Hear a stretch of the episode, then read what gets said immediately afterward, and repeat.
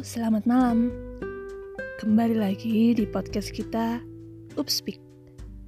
Di malam ini, saya akan membawakan satu buah tema requestan dari salah satu teman kita. Requestannya mengenai tips dan trik menghilangkan rasa serakah. Singkat banget ngomongnya. Dan karena yang request ini laki-laki, jadi topik yang bakal kita bahas gak bakal jauh-jauh dari apa yang biasanya dikejar oleh laki-laki, yaitu harta, tahta, dan wanita. Sebenarnya kalau ngomong tentang serakah itu sifat semua manusia ya. Gak cuma laki-laki, tapi wanita juga begitu. Apalagi kalau udah ketemu diskon. Hmm, susah banget untuk mengendalikan itu. Dan kalau masalah serakahnya laki-laki, selalu di lingkup tiga hal, yaitu harta, tahta, dan wanita. Ya kan? Serakah itu salah satu sifat manusia yang susah untuk dikendalikan. Bisa dikurangi dan dihilangkan, tapi ya itu tadi, harus dengan pengendalian diri yang baik. Kita harus membiasakan diri untuk tidak selalu menuruti kata hati. Dengan kata lain, kita harus lebih bersyukur sih. Lebih bisa menerima apa pun yang sudah diberikan oleh Tuhan. Nah, kalau untuk laki-laki, utamanya pada usia-usia remaja menginjak dewasa saat ini, mungkin keserakahannya tidak jauh-jauh dari wanita, di mana dia nggak pernah puas dengan satu wanita di sampingnya selalu ingin dekat dengan yang lain. Dan kalau untuk masalah ini, sama halnya karena dari diri sendiri itu nggak bisa mengendalikan diri. Dan kurangnya rasa syukur, biasanya selalu menuntut yang lebih dari si pasangannya. Hal seperti ini karena kamu tidak mencintai pasangan kamu apa adanya, tapi mencintai dia karena ada apanya. Maksudnya karena ada satu alasan. Mungkin kamu mencintai dia karena cantik. Nah, cantik itu kan kata sifat. Dan kata sifat itu relatif. Bisa berubah-ubah juga. Ketika ada yang lebih cantik, kamu tergoda. Atau dalam kasus lain, pacarmu cantik, tapi nggak begitu pintar. Nah, kamu nyari yang lebih pintar tapi kamu gak mau lepas dari si pacarmu yang cantik tadi. Terus, udah ada yang cantik dan pintar, kamu nyari yang kaya. Tapi gak mau lepas juga dari si cantik dan pintar tadi. Nah, itu yang dibilang serakah. Kamu mau semua karena mereka punya kelebihan masing-masing. Kamu gak bersyukur. Harusnya kalau kamu bersyukur, ketika udah dapat satu yang buat kamu nyaman, itu udah cukup. Cantik, pintar, dan kayak itu merupakan kata sifat. Semua bisa diubah. Kalau kamu nyari yang cantik, bakal selalu ada yang lebih cantik. Kalau kamu nyari yang pintar, banyak yang lebih pintar. Dan sama halnya dengan yang kaya. Konsepnya nggak jauh beda dari alasan kamu mencintai sih. Kalau kamu mencintai dia dengan alasan, berarti selalu ada alasan untuk meninggalkan dia. Itu permasalahan yang biasanya ada di sekitar lingkungan laki-laki yang serakah. Kurang lebih seperti itu ya. Kami sebagai cewek nggak tahu pasti apa yang kalian maksud dengan serakah itu sendiri.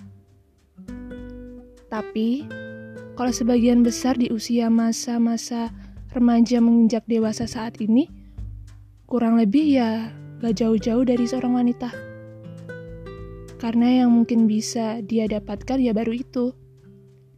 Kalau untuk harta dan tahta, mungkin belum. Karena memang belum bisa sepenuhnya mendapatkan atau bisa mendapatkan. Tapi dari langkah memanfaatkan si wanita yang udah ada tadi, seperti contohnya si pintar dan si kaya. Dan sifat serakah itu memang susah dikendalikan. ketika itu sudah biasa dilakukan, bakal susah. Apalagi di usia-usia labil seperti ini. Kecuali dia sudah benar-benar serius memikirkan masa depan.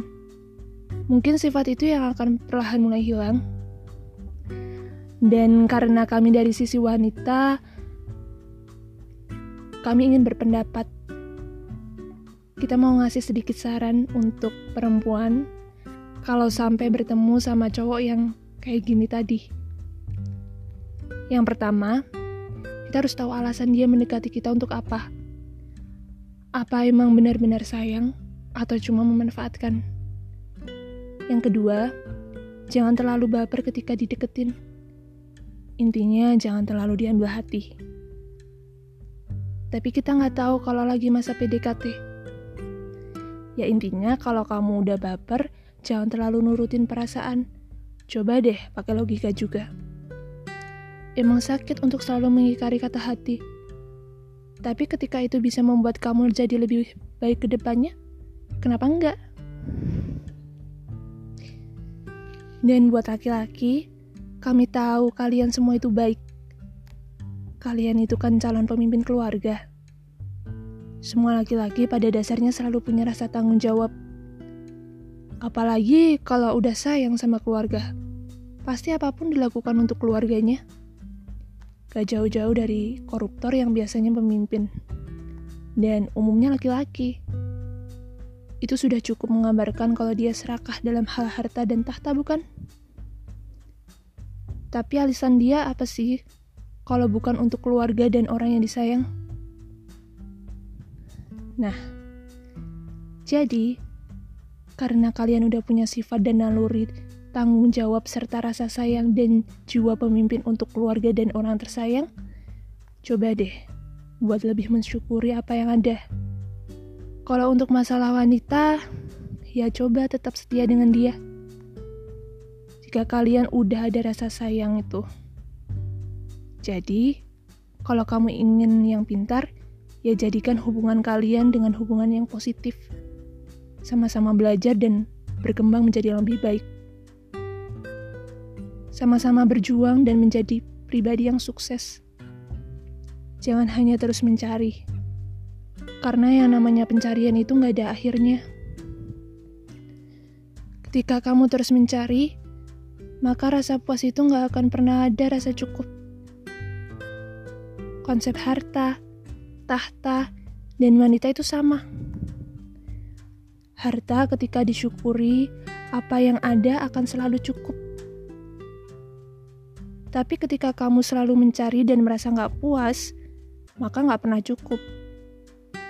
Begitu juga dengan tahta dan jabatan. Selalu ada yang lebih tinggi. Diberi jabatan yang satu, nggak akan puas ketika kamu merasa kamu pantas di posisi di atasmu. Ingat, selalu ada langit di atas langit. Jadi, buat apa selalu berambisi? Lebih berambisi boleh, tapi terlalu berlebihan itu gak baik. Dan untuk konsep wanita, sudah jelas ya kita bahas tadi. Intinya bersyukur. Please bersyukur dengan apa yang ada. Bahagia itu tidak selalu dengan mendapatkan apa yang kita inginkan. Tapi, bahagia itu dimulai dari hatimu yang ikhlas menerima dan bersyukur dengan apa yang ada. Yang terbaik tidak selalu terus mencari, tapi menjadikan yang ada menjadi istimewa. Terima kasih dan selamat malam.